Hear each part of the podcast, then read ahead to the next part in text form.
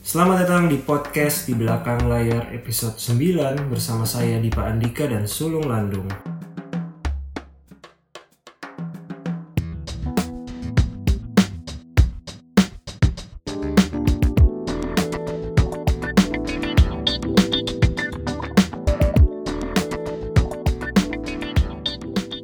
Halo teman-teman pendengar podcast di belakang layar. Em, hari ini episode 9 kita kedatangan seorang bintang tamu Mas Sulung.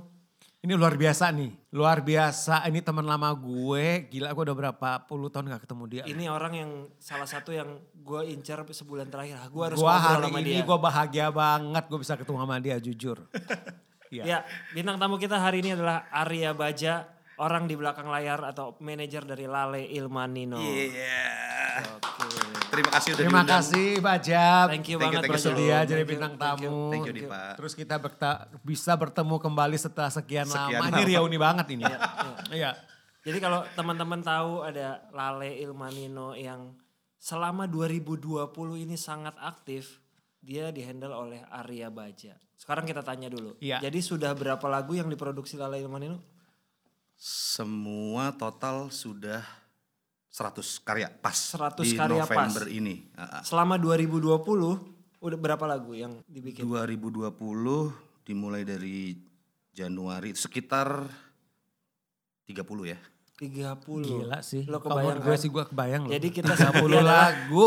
manajer at- dan talent yang aktif selama pandemi. Iya. Ah, ah. Itu mix ya antara lagu untuk eh, single atau untuk brand. Jadi memang eh, Iya, iya. variatif tuh. Kalau menurut gue itu sangat amat produktif. Iya. Nah yang pengen gue tanya ke Baja itu adalah awal pertama berjumpa dengan Lale Ilman sama Nino itu gimana ceritanya tuh? Ya, lu yang diminta apa eh, lu Oh, Iya, apa lu atau yang yang approach. gitu. Nah, Eh, tahun 2014 kebetulan gue sama Nino sama-sama di satu stasiun radio Oke. di Radio OS Network di Jakarta.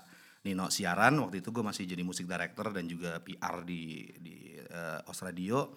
Terus eh, Nino, Ari dan Ilman itu ketemu di Bali sebetulnya. Ketemu di Bali waktu itu ulang tahunnya Mas Yofi Widianto di Bali, mereka diundang akhirnya mereka ketemu dan klik bikin lagu yuk, gitu, coba yuk gitu karena kelihatannya ada nih ke chemistry-nya gitu. Hmm, Sampai di Jakarta dibuktiin eh bisa ternyata gitu. Nah, kemudian setelah gue inget banget ya lagu pertama yang mereka rilis itu buat Bastian Steel. Iya. Judulnya Surat Izin Mencinta Oke, SIM oke. judulnya. Iya, iya. Waktu itu. Oke, Nah setelah itu rilis kemudian kayaknya mereka mau serius gitu. Datang ke gue waktu itu gue masih eh, di loker media juga sambil jalan. Pas ketemu lu ma- lu masih di Masih masih OS? masih di OS dan udah ngebangun loker waktu itu Oke. loker media. Terus dia bilang ja ini di luar OS di luar loker lo mau nggak pegang kita Hmm. gitu. Jadi Nino waktu itu yang ngomong megang apa nih gue bilang komposer, songwriter, ah makhluk baru nih. Hmm. Biasanya kan kalau kita manajemen pegang artis, gitu, Artis. aktor, aktris, Iya, iya, iya, musisi gitu. Ini songwriter gitu, manajerin songwriter. Wah ini menarik nih gitu. Akhirnya kita ngobrol lebih jauh dan ternyata klik. Jadi memang waktu itu yang approach adalah Lale Ilmaninonya ke gue. Datang ke Oh, jadi gue Thailandnya langsung approach Baja. Dua- itu gitu. 2014. 2014 gitu. Sudah enam tahun berarti. 6 tahun. Mau tujuh tahun ah betul. Tujuh tahun. Iya. Gitu. Oke. Lu inget gak lagu pertama yang yang yang ketika masuk lu tuh apa? Pas Bastian belum sama lu kan? Lagu pertama yang ketika Hi-Fi.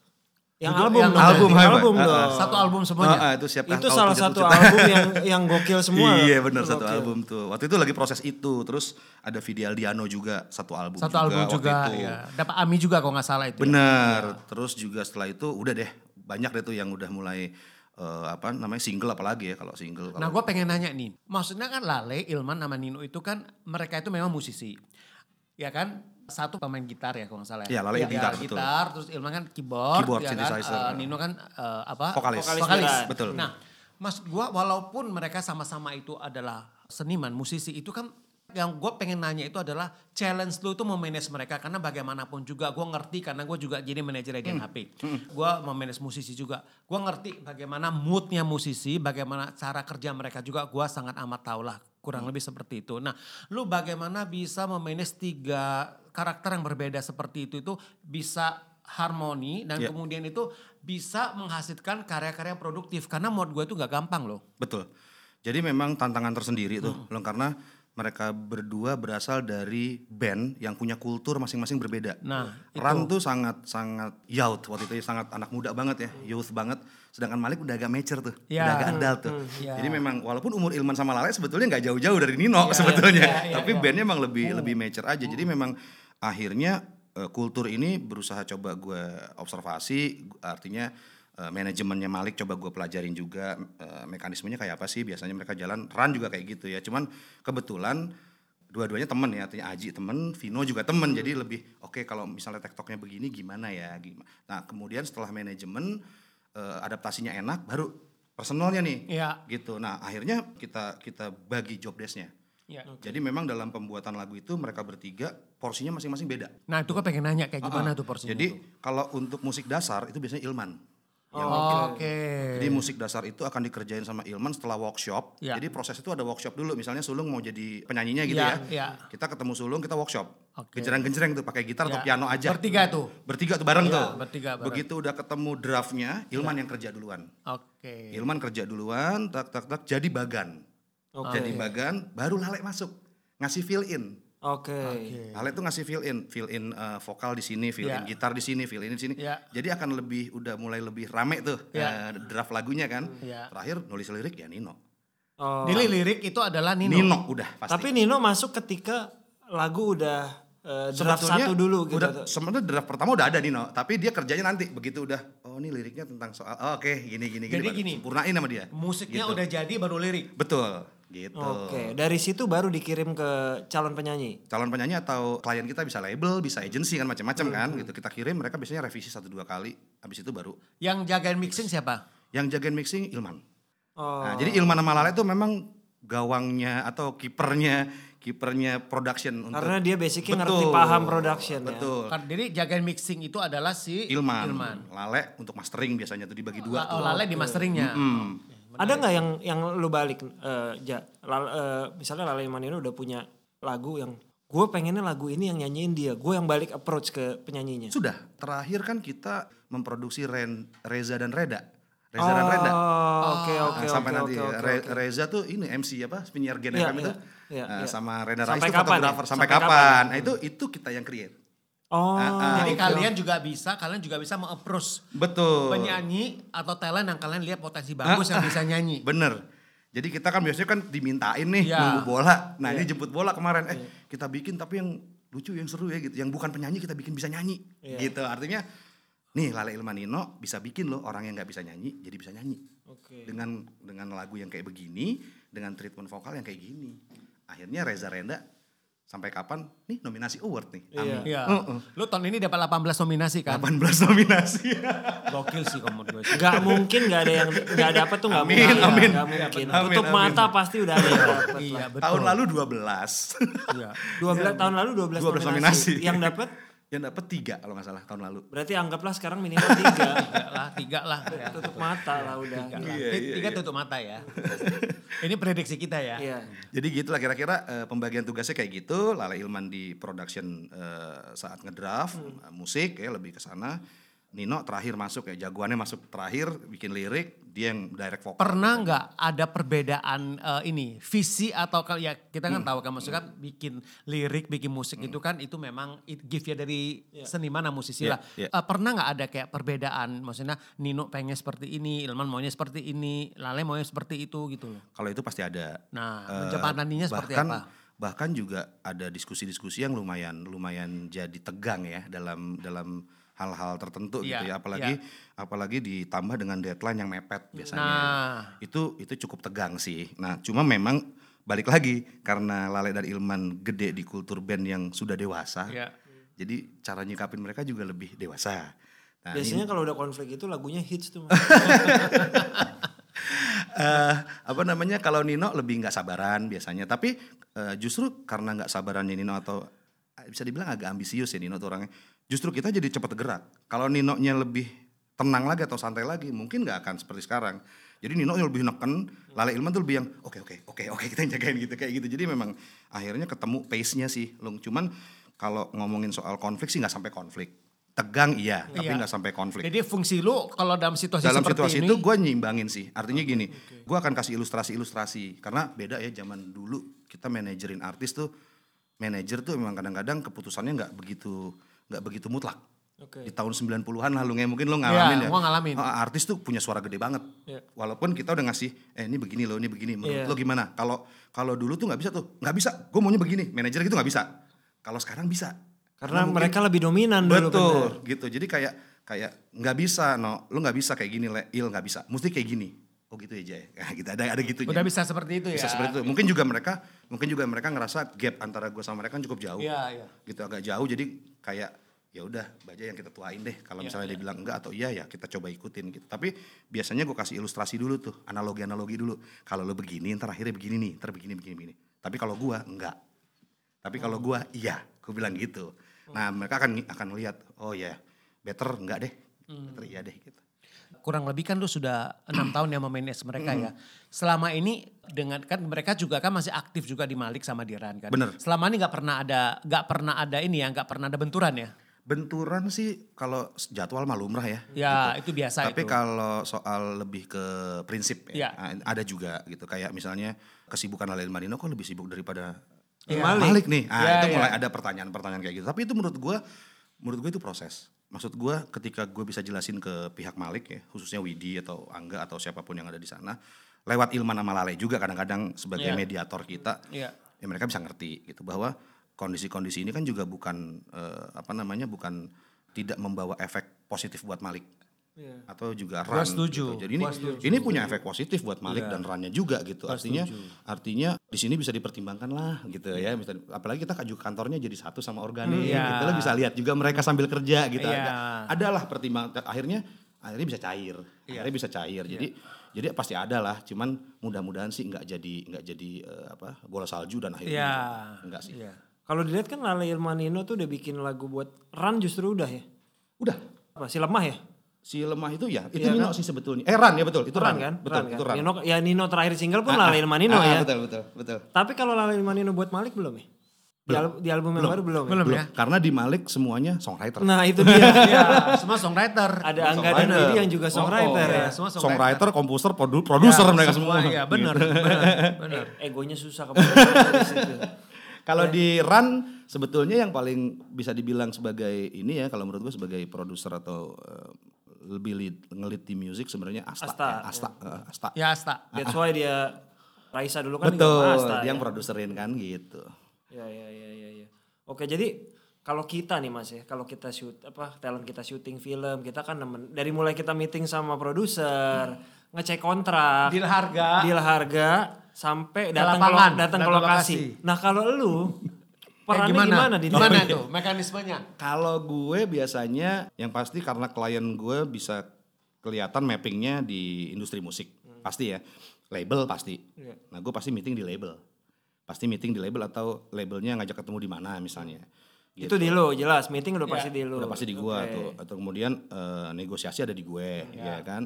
Terus juga sampai penentuan vokal directornya terus Oke, juga lu bantuin di situ fee-nya juga? berapa itu juga gue bantu Oh, gitu karena cocok-cocokan juga tuh Dip gitu. Kita sih selalu pakai Irnat Oke. gitu Oh, iya, ya tapi iya, eh, iya, tapi iya. kadang-kadang ada pilihan lain juga tuh kayak misalnya siapa siapa gitu nanti gue yang coba bantu kontak gitu ya. Oke. Nah, terus sampai di kontrak kemudian setelah itu selesai udah ada personal manager gue namanya Lutfi dia yang ngatur jadwalnya Ah. Lutfi untuk Dipa workshop. ya. tuh namanya kalau Lutfi nggak Dipa salah. Iya. betul Lutfi Dipa nah dia yang ngatur untuk scheduling studio di Bros misalnya di Oh. studio Backbeat di mana kalau misalnya emang si vokalnya ini pengen take di tempat yang lebih nyaman misalnya Iya. gitu ya kayak terakhir Kang Arman Kang Arman nunjuk studio vokal sendiri misalnya gitu ya nggak apa-apa juga tapi kalau mau di organik oke juga nggak apa-apa juga gitu Lu selalu ada di saat penciptaan sebuah lagu plus nanti recordingnya atau atau Eh, biasanya kan ada juga yang talentnya nggak mau diganggu deh biar mereka bertiga doang yang mau fokus. biasanya sih sekitar 60 sampai 70 persen gue sama Lutfi ada ya Setiap kali rekaman recording. workshop.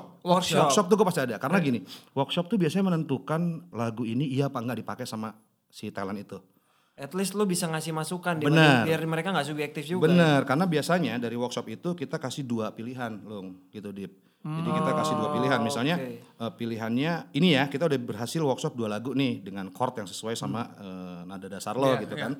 Nah ntar ini kan dibalikin ke mereka nih, ke labelnya atau ke kliennya kan. Hmm. Nah mereka bisa milih tuh nanti. Oh jadi lu setiap kali itu workshop itu ada harus dua ada, pilihan. Ah, harus ada. Sebenarnya ada Gitu. opsi. Ha-ha. Iya. Bisa jadi, bisa jadi di saat itu terjadi dua lagu atau satu lagu dibuat saat workshop, satu Ah. lagu dari bank yang lagu yang udah kita punya.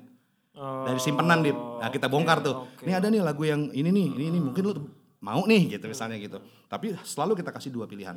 Nah, nanti dari situ balik ke gue lagi, ya kayaknya kita ambil yang ini. Nah, disitulah jadi kontrak kan. Gitu. Oke, berarti udah ini ya. Oke. Dari situ gue langsung hubungi nanti ke pihak publishing di Masif Musik. Oh, Karena begitu lagunya lock, kontrak, diproduksi, gue harus hubungin Masif Musik untuk ngurus. Karena lu memang partneran sama betul. Irfan ya berarti ya. Betul. Songwriternya si Lal Ilmanino ini tiga-tiganya secara individu semua terdaftar di Masif Musik. Oke. Gitu. Jadi dia Mas cuannya tuh bukan cuma bikin lagu. Dari publish Tadi itu kamu di cuan juga. itu benar. Banyak dia. Kita Ya, sumber penting cuannya emang kita banyak. akan ngitung. Ya, sumber cuannya banyak berarti. Itu lagu kalau kepake terus, jalan terus. Iya, Bang. Iya, Makanya, kan, royaltinya- royaltinya jalan terus. Tapi, tapi so far royaltinya jalan ya. Alhamdulillah semenjak dipegang Masif semua collecting beres. Beres semuanya. ya? Beres. Masif cukup serius soalnya. Cukup gua- serius. Sangat sih menurut gue Sangat, serius. Lu jangan coba-coba manggung bawain lagu orang, lagu Lalel Manino lu nggak minta izin lu. Eh, Ketemu Irfan sama Aldri loh. Nah, iya bener bener bener. gitu. Jadi kayak kira-kira kayak kayak gitulah gue. Tapi kalau recording gue biasanya malah nggak ada. Karena kan udah udah Karena jalan. udah jadi, Oh, udah udah, jalan biasanya Lutfi aja yang datang. Udah gua nggak- deal itu udah beres. Ah, Jadi iya. recording itu selalu ada mereka bertiga. Harus kalau itu. Kalau itu mereka Jadi bertiga, kalau terus misalkan gini, ini ini nih, kalau job of air mereka lagi ting padat-padatnya, jadi menyu- mencari waktu untuk mereka bertiga buat recording itu satu ini sendiri loh. itu luar biasa PR. Challenging sendiri loh itu loh. PR PR. Iya kan? PR banget. Apalagi zaman sebelum pandemi ya. Nah. wah itu gila. Gue cuma bisa punya hari Selasa terbo gitu. Karena Malik tuh bisa Kamis sudah keluar kota tuh. Nah, Ketika kami sudah keluar kan baliknya nggak Jumat Nggak ya. Jumat, ini Senin. jadi lu cuma ada Minggu waktu Senin. misalkan rekaman udah Selasa, Selasa Rabu. udah. Itu mesti dimaksimalin. Nah, makanya pas pandemi ini bener Dipa bilang, nggak ada berhenti-berhentinya karena memang kayak Pas Malik sama Rani juga lagi off ya. Jadi yang yang yang istilah kita itu banjir ini, banjir job di saat pandemi. Iya jadi ya kan? jadi udah deh mumpung kita nggak ngapa-ngapain nih off airnya gitu kan ya kita kasih tahu lah ke teman-teman label nah eh lu mau bikin lagu nggak ini lagi pada nggak ngapa-ngapain loh bisa buat buat tahun depan 2021 lu udah punya Iya. tabungan kan gitu iya juga ya gitu akhirnya mereka langsung mereka si- itu. Indonesian Idol terjadi selama pandemi ya. Eh, Betul. Lagu-lagunya mereka kan betul gitu. kalau itu memang kita ada kontrak khusus dengan Universal Music Oh, Nah, ah, oke. itu memang kontraknya se kalau nggak salah sudah berjalan hampir 2 tahun jadi memang Idol ini memang diserahkan ke kita yang tahun ini dan pas banget terjadinya pandemi pas jadi ya banget udah. pandemi Wow. Terus gue mau nanya ya, k- eh, untuk mem- dari dari workshop ya, dari workshop sampai jadi dalam bentuk mastering itu lo butuh waktu berapa lama? Sebenarnya kalau kalau nggak kepotong kepotong jadwal Malik dan Ran dua minggu udah beres. Tapi lu menjanjikan lo dua minggu itu Cepet. cepet cepet kok. Tapi lu menjanjikan nggak sama eh, label atau penyanyinya langsung bahwa lagu ini baru bisa ready berapa lama? oh iya paling iya. lama? Oh, Karena itu kan ditulis di kontrak, Dip. Jadi memang gini, karena karena saat kontrak itu terjadi komunikasi antara eh, kita dan label. Iya. Timeline rilis mereka kan. Mereka nyebutin tuh, gue harus terima master ja itu tanggal segini. Karena gue mau rilisnya kapan Betul, ini. karena gue 14 hari sebelumnya mesti Iya. masukin dulu ke agregator. Iya. Ini kita something Ya. like kayak bioskop mas. Kayak bioskop. Ini Ah, ah, tanggal bener. layar, Iya, layar Iya. tanggal rilis. Benar. Jadi jadi gue akan hitung mundur dari timeline dia deadline dia rilis, timelinenya gue hitung mundur. Gue akan bilang kalau lo buru-buru misalnya nggak bisa, gue akan bilang gue nggak bisa ngejar timeline lo. Tapi kalau gue bilang bisa, berarti dua minggu gue harus komit selesai. Oke, kalau lu ngerasa nggak nggak memenuhi deadline mereka, lu mundur. Gue mundur.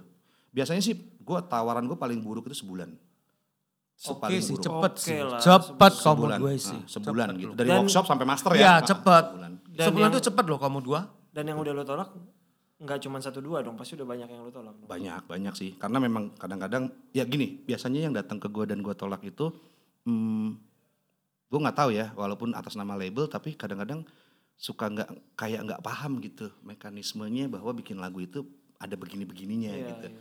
terus ada recording ada revisi ada mixing ada balancing ada mastering mastering pun bisa direvisi jadi kadang-kadang gue minta bisa seminggu nggak aja ya aduh kok seminggu ya Lu kayak nggak pernah rekaman ya gitu maksudnya apa, apa belum pernah gitu ya jadi kayak walaupun talentnya kadang-kadang udah punya nama juga cuman kalau labelnya begitu gue yang nggak bisa nggak bisa lu walaupun ini nggak bisa ya maksimal su- eh, cepat-cepatnya dua, bu- dua minggu paling lambat lambatnya sebulan lah gue bilang gitu Dan yang udah terjadi misalnya sampai lagunya jadi, ternyata sampai lagunya jadi si penyanyinya masih nggak- atau labelnya nggak nggak suka ada nggak? Akhirnya nggak jadi gitu ada nggak? banyak Sampai ja- bahkan udah jadi sebenarnya. oh kalau jadi nggak dip tapi setidaknya udah jadi eh, hasil workshop udah jadi eh, draft udah jadi draft satu Oke. gitu. Nah itu hitungannya gimana? Ada Mereka tetap cancellation- bayar ada atau Betul. Cancellation gimana? Jadi fee. gini, kalau di gua tuh ada tiga termin. Ada tiga termin. Termin pertama sebelum workshop dia udah DP. Oh, Hmm. Oke. Ah, ah, jadi ketika oke kita tentuin tanggal workshopnya berarti kalian sudah DP 30% biasanya. Oke. Kemudian setelah draft satu Hmm. Draft satu. di approve, oke masuk mau ke arah mixing, mixing term 2. Oke. Term 3 itu setelah teri- setelah terima master. Oke. Nah kalau misalkan, kalau Jadi misalkan, kalau nggak jadi tuh selung gua ya udah DP lo angus. Gitu aja. jadi lu tetap terima 30% itu? 30% lagu yang udah dibuat gue bisa oper ke penyanyi lain. Ada yang terjadi seperti itu. Hmm. Banyak, banyak. Oh, jadi gini, eh, karena, karena kalau itu nggak jadi berarti lagu yang lu mau nawarin ke, contoh lu mau nawarin ke gue, Iya. kan nggak jadi nih, gue udah baru 30 persen. Jadi secara itu udah selesai nih urusan kita kan, lu bisa nawarin lagu yang harus lu tawarin ke gue itu ke Dipa kan? Bener. Seperti itu Gitu. mekanismenya Dip. Tapi tetap gue kasih tahu dulu lagu ini nggak jadi kan? Oke. Kita punya surat persetujuan kalau emang nggak jadi dipakai gue mau jual ke yang lain gitu. Ya oke, berarti tetap gue gitu. kasih gitu. Iya. Gitu. Jadi jelas, rules-nya itu jelas. mm-mm, jangan sampai ntar kok lagu gue dijual sama Nah, lu sih. Jan?" Padahal iya. dia sendiri udah nggak ada nggak ada follow up lagi. Iya. Gitu. Kalau yang Lale Ilmanino kolaborasi sama artis lain atau jadi kolaborasi nih, bikin lagunya bareng-bareng. Ada nggak? Kalau yang bukan ya? eh, Sebenarnya ada. Ra- Ran Kahitna tuh enggak ya? Se- enggak, enggak. itu Nino. itu eh, Iya, itu, run sama Kahitna ya? Raina. Kalau sebenarnya di belakang layar kita udah nyoba. Eh, even Lala Ilmanino pernah bikin satu lagu keren banget sama Dipa Barus. Tapi belum tahu mau dirilis buat apa gitu. Tapi udah jadi udah lagunya. jadi lagunya tapi kita nggak tahu buat apa terus ada juga waktu itu eh, ada beberapa ya tapi gue lupa ya karena udah be- hampir beberapa tahun lalu lah gitu ada kok cuman akhirnya nggak nggak tahu kenapa akhirnya cuman cuman jadi kayak simpanan aja sekarang nih nunggu momen aja sih kayaknya gitu tapi untuk dirilis belum tahu siapa yang mau make karena mungkin juga belum tentu cocok buat yang minta gitu gitu loh Kalau dilihat dari jenis musik ya sebenarnya kan Lale Manilo lebih ke pop tapi yang agak sedikit jazzy sebenarnya. Urban ya. sih. Urban, lah Urban, ya. Lebih ya. ke urban lah. Nah, ketika penyanyi yang datang sama lu bertolak belakang, kita sebut contoh aja kali contoh. Kangen Band misalnya gitu. Mungkin nggak? Apakah dia akan mengikuti jenis musik Lale Manilo atau dibalik? Mm-mm. sebenarnya ini udah kejadian yang lo sebutin tadi cuman vokalisnya yang minta kan. Oke. Andika Hmm. ya, Andika yang minta, Andika oke. waktu itu lewat lewat satu temen namanya Ucup mungkin lo kenal lah Ucup Iya, ya, iya, Ucup iya. Oke, Synchronize Ucup, Fest iya, lah, iya. The Majors ya mau nggak bikinin lagu buat Andika Ini gara-gara Synchronize Fest jangan-jangan nih Ucup. Iya. Gara-gara dia ada terampil yang tahun lalu tuh. Iya. terus eh, buat Lalil Manino waktu itu ah ini menarik gitu tapi memang kita tanya mau Ucup Cup tapi kan lo tahu arahnya Lalil Manino kan kemana bikin lagu kan iya kita ngikut lo jadi Andika akan ngikut lo juga tentunya gitu wah ini menarik gitu kan nah terus eh, biasa schedule yang sono juga schedule banget ribetnya yang sini juga schedule banget ribetnya waktu itu nggak jadi akhirnya tapi waktu itu udah ada tawaran itu dan kita eh, Memuka memuka itu Muka juga. udah ada, udah ada. Even apa namanya? eh, mungkin kalau ada yang menawarkan lagi dengan dengan eh, konsep seperti itu, kita juga bakal coba gitu ya. Dangdut sih yang belum pernah datang ke kita. Padahal kalau Gua tadi baru mau nanya dangdut. Padahal kalau datang pasti mau nyoba. Menarik dong. loh. Mau nyoba. Dangdut menarik Even loh. Malik aja punya single Iya iya iya iya iya iya. iya. bernuansa dangdut lah Iya, gitu ya, bernuansa bernuansa dangdut dangdut lah. gitu. Ya even Glenn pun ada yang duet sama pedang. Iya, Iya, gitu. makanya. Jadi memang memang sebetulnya eh, nggak nutup gitu, cuman eh, nah cuma kadang-kadang memang kita bisa nolak juga di lo kayak kayak memang ternyata setelah kita observasi, misalnya kita pelajari karakter vokalnya memang nggak di kita sih gitu misalnya. Kalau Lala Ilmennya udah dengerin misalnya kita bertiga udah dengerin suaranya bagus tapi kalau kita bikinin lagu buat dia, dia kayaknya nggak bakal nangkep deh esensinya. Hmm. Itu gitu. sering nggak nolak seperti itu? Ada beberapa. Jadi akhirnya kita coba lagi deh. Lu coba vokal coach lagi deh. Oh. Ya, jadi gitu lebih supaya kita juga nggak punya beban gede banget. gitu. Di. Padahal udah kontrak kalau model kayak gitu. Enggak, belum. Enggak. Baru Jadi ketemu saat dulu. Over Baru ketemu aja, saat dulu. Oh. over aja. Begitu over mereka biasanya ngasih referensi kan ke gua. Ini lagunya mau kayak gini. Suaranya seperti Hmm. Oh. kayak gini sampelnya. Nah, kita meeting tuh. Yang ini jangan deh, jangan ngeri ah, ntar tanggung jawabnya terlalu gede. Misalnya kayak gitu-gitu. Karena balik lagi ya, banyak juga yang banyak juga yang kayak contoh ya teman-teman teman-teman eh, musisi senior bahkan minta bikinin lagu, minta bikinin lagu, lagunya dibikinin rekaman tapi nggak dirilis. Emang buat suka-suka mereka aja gitu. Ada seperti itu. ada banget, banyak. banyak di- itu juga aneh gitu. Lah, lu ya udah rec- recording dengan proper lagunya bagus. Udah jadi padahal. Udah jadi, udah recording terus nggak apa-apa emang buat gue simpan aja. Ini buat suami gue, buat suami gue ulang tahun gue mau kasih buat dia. Ada yang kayak gitu-gitu deh. tapi ada juga yang kemampuannya belum segitunya tapi duitnya ada, dia pengen ngejar itu, kitanya nggak berani Oh. kita nggak berani karena tanggung jawabnya nanti di industri kayak apa gitu. Jadi kalau tawaran pribadi bukan musisi, Mm. mungkin banget dong misalnya. Ini Mungkin komersial doang nih. Mungkin aja selama dia tidak dikomersialisasikan ya, artinya kayak buat kado buat suami gue. Iya, Ta- udah ada. Selama ada. Selama suaranya oke dan lain-lain kita juga kerjanya enjoy ya, ayo aja gitu. Iya iya iya. Kadang kan kalau kita kan kadang ada ya. Ini kalau di di gua gitu. Eh, lu mau perform stand up nggak? Ini udah pasti crowdnya nggak jelas Oh, nih. Iya iya iya. Sama tuh Bay- kayak Tapi gitu. bayarannya lumayan. Ah, ah, Ambil gitu, ada- aja ada deh. begitunya, ada Berarti lu mu- mungkin nggak ada datang. Orang gue mau bikin lagu dong. Eh, ini mas mas anak saya mau penyanyi. Tolong bikinin lagu. Enggak, cuman buat tem- buat- cuman buat kita Ada aja. kayak gitu. Ada, ada, ada gitu. Selama komitmennya tidak dikomersialisasikan dan sesuai dengan kemampuan dia ya udah. Tapi kalau misalnya lu mau rilis ya dengan label mana? Nah, itu harus kita tanya. Kalau emang Oh. mau dirilis profesional nih, kita pasti punya gitu kurasi Karena lagi. urusannya ke image-nya lagi. Nah, Iya. itu Dip, yang gue takut sama anak-anak tuh itu karena ntar takutnya jadi ini kok habis dari Marion Jola segini terus tiba-tiba ini si- ini siapa nih Iya, gitu. Ya, Gitu. Walaupun sebenarnya sah-sah aja, cuman tanggung jawab kita aja yang ya gue ngerti sih. Heeh, gitu loh. Positioning. Gitu. Iya. Iya, iya. Jadi mereka tetap harus menjaga positioning mereka. Gitu. Gitu. Menarik loh ini topiknya nih. Dari obrolan ini ya mas yang gue yang Iya. gua tangkap adalah ini adalah kita kan gue manajer komedian, lu manajer aktor. Iya. Ini ada kan baru ya manajer Iya. komposer. Komposer. Dan kayaknya dia nggak ada saingan nih. Gak ada. Gak ada emang. Gak ada saingan. Lu gak ada kan? Ya teman-teman teman-teman yang lain ya kayak Pai, Dewi, ya mereka bekerja sendiri. Iya kan? Gitu. Or paling manajer Yofi, Kang Bedi deh. itu Jatuhnya kompetitor sebenarnya lu. eh, betul, tapi kan sebenarnya kan Music Factory juga dibikin bukan cuma buat Mas Yofi Iya, sebenarnya. iya, Ya, tapi kalau Lala Ilmanino emang berdiri emang untuk Lala Ilmanino Iya. sendiri nggak ada Iya, embel-embel. beda. Jadi itu jadi dia dia memanage mereka as songwriter sama produser. Masalahnya Lale Maninonya kompetitornya nggak banyak, manajernya jadi nggak banyak juga. Iya betul. Jadi kalau teman-teman ada yang kepikiran jadi manajer komposer ini ada peluang. loh. Ada Iya, contohnya ada udah contoh ada nih. nih. Udah ada presedennya Iya. nih. Iya loh ada baja nih. Karena ini pekerjaan yang kalau lu datang ke keluarga di lebaran mas, Iya. kamu Aneh tuh. kerjanya apa? Eh, manajer Manajer. artis. Composer. Artisnya apa? Pencipta lagu. Udah manajer artis pencipta lagu. lagu. Eh, eh, tapi jangan sedih. Nah. Selama pandemi 2020 udah 30 lagu mereka bikin. Menurut Ja- lo? Jadi kalau dia ditanya, kamu bisa hidup? Eh, saya bisa bayarin gaji kalian Iya, semua. iya kan? Eh, gimana? Iya kan? Jadi emang emang waktu Iya. itu juga teman-teman di apa di circle manajemen lah ya Iya. waktu itu kan banyak juga tuh yang lu tuh aneh aja ya, tiba-tiba lu manajerin sesuatu lagi tapi songwriter gitu. Even orang tau lah gue manajerin band dulu kan Iya. gitu ya, manajerin DJ gitu sama Renggo waktu itu kan. Tapi ya udah selepas itu gue kayak nggak emang bener-bener di locker itu Renggo yang pegang semua kan kendalinya untuk manajemen. Sedangkan gue biasanya lebih ke service yang lain, media media promotion lah kayak publicist dan lain-lain yang gue pegang. Nah ini kayak Nino nat- da- datang ke gue juga, gue juga eh eh dan juga ya manajerin komposer ini menarik sih gitu. Waktu itu gue juga begitu.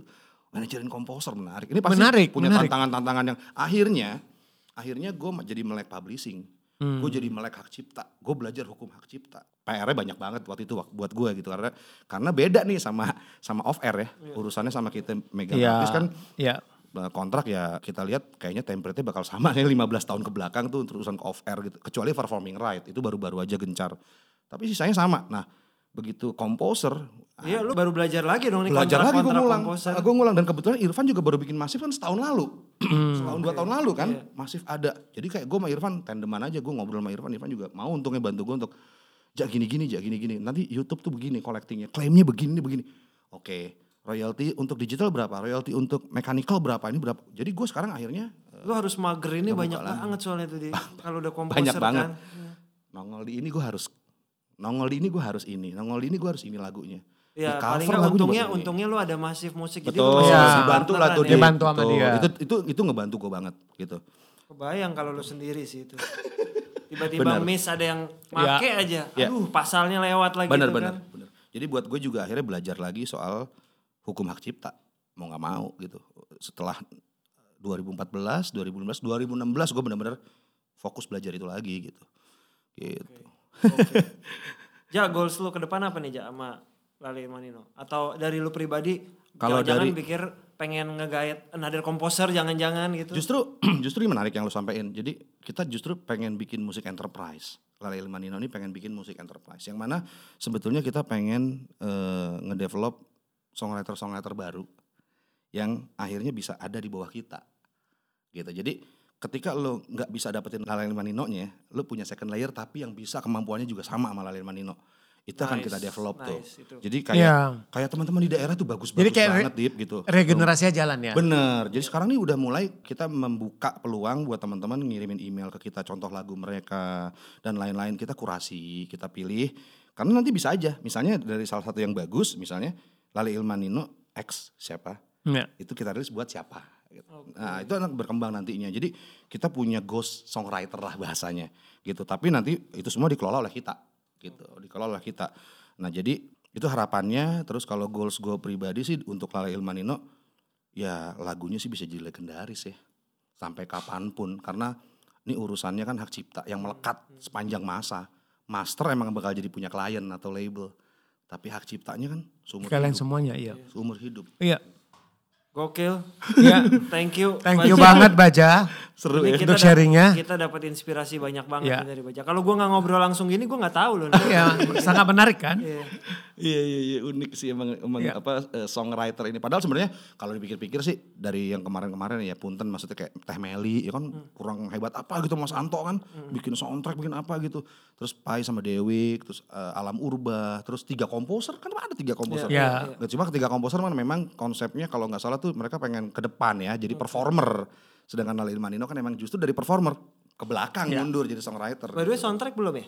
Song- Kalau Emil- Pasti ditawarin udah pernah dong. sudah pernah tapi waktu itu nggak jadi ya nggak ada ada beberapa teknis lah yang Hmm, bikin nggak jadi karena memang anak-anak eh, waktu itu dapat tawarannya selain soundtrack jadi eh, jadi apa eh, apa sih istilah kalau di film ya musik ranger ya apa sih Iya, iya, iya. iya. Oh, iya. Karena biasanya kalau the whole the kalau- whole kalau- movie Iya, gitu iya. Lu harus the whole movie. Iya, anak-anak nggak mau Penata musik. oh anak-anak berat waktu itu wah ini sih waktunya luar biasa Ya, gue luar Iya. terakhir biasa. soalnya pas Imperfect sama Iva. Wah itu total ya, satu, satu semuanya. film kan Dip gitu kan. Iya. Oh, itu itu berat sih buat anak-anak untuk jadwal dan lain-lain. Akhirnya ya udah ntar aja deh gitu. Gue ada pertanyaan terakhir nih sebenarnya harusnya tadi gue tanya, tapi gue lupa. nih. Tinggalan. Ini kalau kalau kalau kita kan suka ketemu sama bisa jadi teman, bisa juga bukan teman. Eh, maksudnya nggak kenal lah tiba-tiba nawarin film atau nawarin kerjaan yang charity Oh iya Eh, iya. alias nggak ada duitnya atau pokoknya sosial lah pokoknya. Itu Terjadi lu- terjadi nggak di lu? Mas kayak eh, kita pengen banget nih kerjasama sama Lele Manino tapi tapi kita nggak ada duitnya atau tapi kita cuman bisa kasih ini tapi, Tapi kita misinya Iya, jelas, bisa Ah, misinya jelas, goalnya Iya. jelas. Tapi Iya. bukan Apa. cuma sekedar yang nggak ada nggak maksudnya emang lu lihat bahwa ini ada peluang nih kalau gua kerja sama sama dia nih gua ada peluang nih gitu. Sebenarnya kebetulan kalau yang gue ingat-ingat belum ada sih ya. Belum ada sih Dip. Hmm. Oke. Tapi kalau akhirnya kita nge-wave lagu kita untuk sesuatu gitu ada. Oh. Ah, ah, jadi kita bilang ke publisher kita udah nggak usah ditagih. Ini memang untuk charity karena lagunya udah jadi. Oke. Tapi kalau yang minta dari nol sampai jadi lagu gitu untuk charity kayaknya belum ada seingat gue sih. Hmm. Karena ada kos yang keluar juga. Benar, benar, benar. Kan Benar, gini, kalau menurut gue nih orang yang cari cari cari mereka kan jelas. Karena mereka udah tahu lagu-lagu yang dibikin itu bisa jadi hits, jadi hits Mm-mm. karena jadi ekspektasinya seperti itu. benar. Mm-mm. Iya kan? Kalau ini mungkin ada kalau kayak Idea Fest besok Iya. misalnya nih. Kita mau undang Lalil Manino dong untuk Sebagai ngomongin pembicara. Iya. terus eh, tapi kita nggak bisa eh, apa namanya? Ada appreciate fee tapi nggak segimana gitu. Oh ya udah nggak apa-apa. Ah, kayak gitu ada.